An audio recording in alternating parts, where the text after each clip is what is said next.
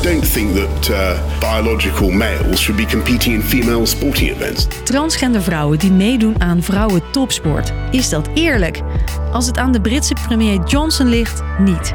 Een uitspraak die niet goed valt in de LHBTIQ gemeenschap. We deserve to play the game just as much as everyone else. Maar hoe zorg je voor sport waar iedereen welkom is en die iedereen eerlijk vindt? Als je ergens een grens trekt, dan zul je mensen misschien onterecht in een bepaald hokje duwen. Ik ben Chrisje en leg je uit waarom er zoveel discussie is over transvrouwen in de topsport. Lang verhaal kort.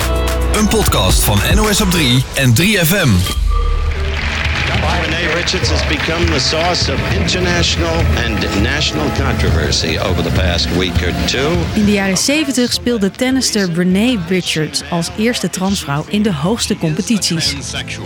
Two years ago, she was Dr. Richard Raskin and was ranked nationally among the top 20 male tennis players over age. Maar voor ze op het veld stond, kreeg ze zowat de hele wereld over haar heen. Chromosoomtesten, boycotts door andere spelers, rechtszaken en heel veel media-aandacht. De discussie over transvrouwen in de sport is dus allesbehalve nieuw. Maar de regels zijn door de jaren heen wel veranderd. Zo mogen transgender sporters meedoen met de Olympische Spelen sinds 2015. Een mijlpaal voor transgender personen. Het laat zien dat je als transpersoon niet in een hoekje hoeft te zitten in deze maatschappij, maar dat je bijvoorbeeld ook mee mag doen met de sport. Ook klom onlangs een Amerikaanse zwemster naar het hoogste podium in een topcompetitie. Thomas wins the NCAA championship. Maar dit alles was niet zonder kritiek. Leah holds an unfair advantage over competition in the women's category. Identities do not play sports. Bodies play sport. Transgender-atleet Emily Bridges werd zelfs uitgesloten van deelname van de Britse nationale kampioenschappen in het baanwielrennen. Ze mocht van de Nationale Wielerbond wel meedoen nadat ze haar testosteronwaarde had verlaagd. Maar de Internationale Wielerbond hield het vervolgens tegen. En zo komen we bij dat woord dat steeds weer valt. Dan hebben we het over testosteron, een mannelijk geslachtshormoon. Zegt Douwe de Boer, biochemicus bij het Maastricht UMC. Testosteron zorgt voor mannelijke geslachtskenmerken, zoals een lage stem en baardgroei. Maar veel testosteron zorgt ook voor sterkere botten en spieren. Het geeft absoluut voordelen uh, uh, bij het sporten. En het is zelfs een uh, reden waarom sporters het ook als dopingmiddel gebruiken. Omdat ze dan denken extra voordeel te kunnen hebben bij een sportprestatie. Je zou bijvoorbeeld harder kunnen trappen, zwaardere gewichten kunnen tillen en sneller kunnen zwemmen. Daarom zijn er bij topsporters strenge controles op dat hormoon. Je testosteronniveau mag voor langere tijd niet boven een bepaalde grenswaarde uitkomen. Anders moet je meedoen met de mannen. Zit je daaronder, dan mag je bij de vrouwen uitkomen. Iedereen gaat staan, want Caster Semenya uit Zuid-Afrika wint 1,55-46.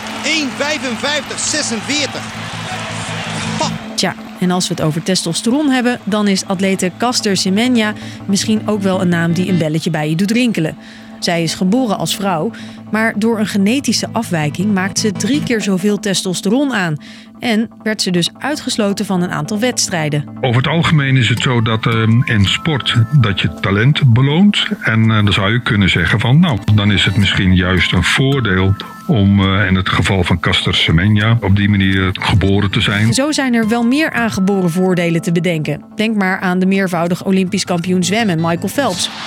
Weer gaat hij een hoofdstuk schrijven in het geschiedenisboek van de zwemsport. Ja! Vanwege zijn uitzonderlijk lange armen was hij razendsnel in het water. Maar dat is geen probleem, want de regels bij de grote sportbonden gaan niet over lange armen, maar over testosterongehalte. Valt hij in de categorie man of vrouw? En dus het liefste zouden we hebben dat het onderscheid tussen man, vrouw, zwart-wit is. Alleen er is een groot grijs gebied. En wil je dan ergens een grens trekken in het grijze gebied, dan heb je direct ook een groot probleem. Maar hoe je het ook doet, als je ergens een grens trekt, dan zul je mensen misschien onterecht in een bepaald hokje duwen. En als je het nu allemaal gelijk trekt, is dat dan eerlijk en inclusief? Dan krijg je natuurlijk het probleem dat in bepaalde sporten bijvoorbeeld vrouwen nooit meer een kans zullen maken. Maar dan zullen we misschien een, een handicap moeten gaan invoeren. Een handicap waardoor het mogelijk is dat mensen met, laten we zeggen, minder spieropbouw, ja, misschien toch in een wedstrijd een voorsprong uh, krijgen op basis van hun handicap. Volgens sommige experts is testosteron dus niet het enige dat bepaalt of je man of vrouw bent. Veel meer factoren zijn van belang, maar als je die allemaal meeweegt, wordt het te ingewikkeld.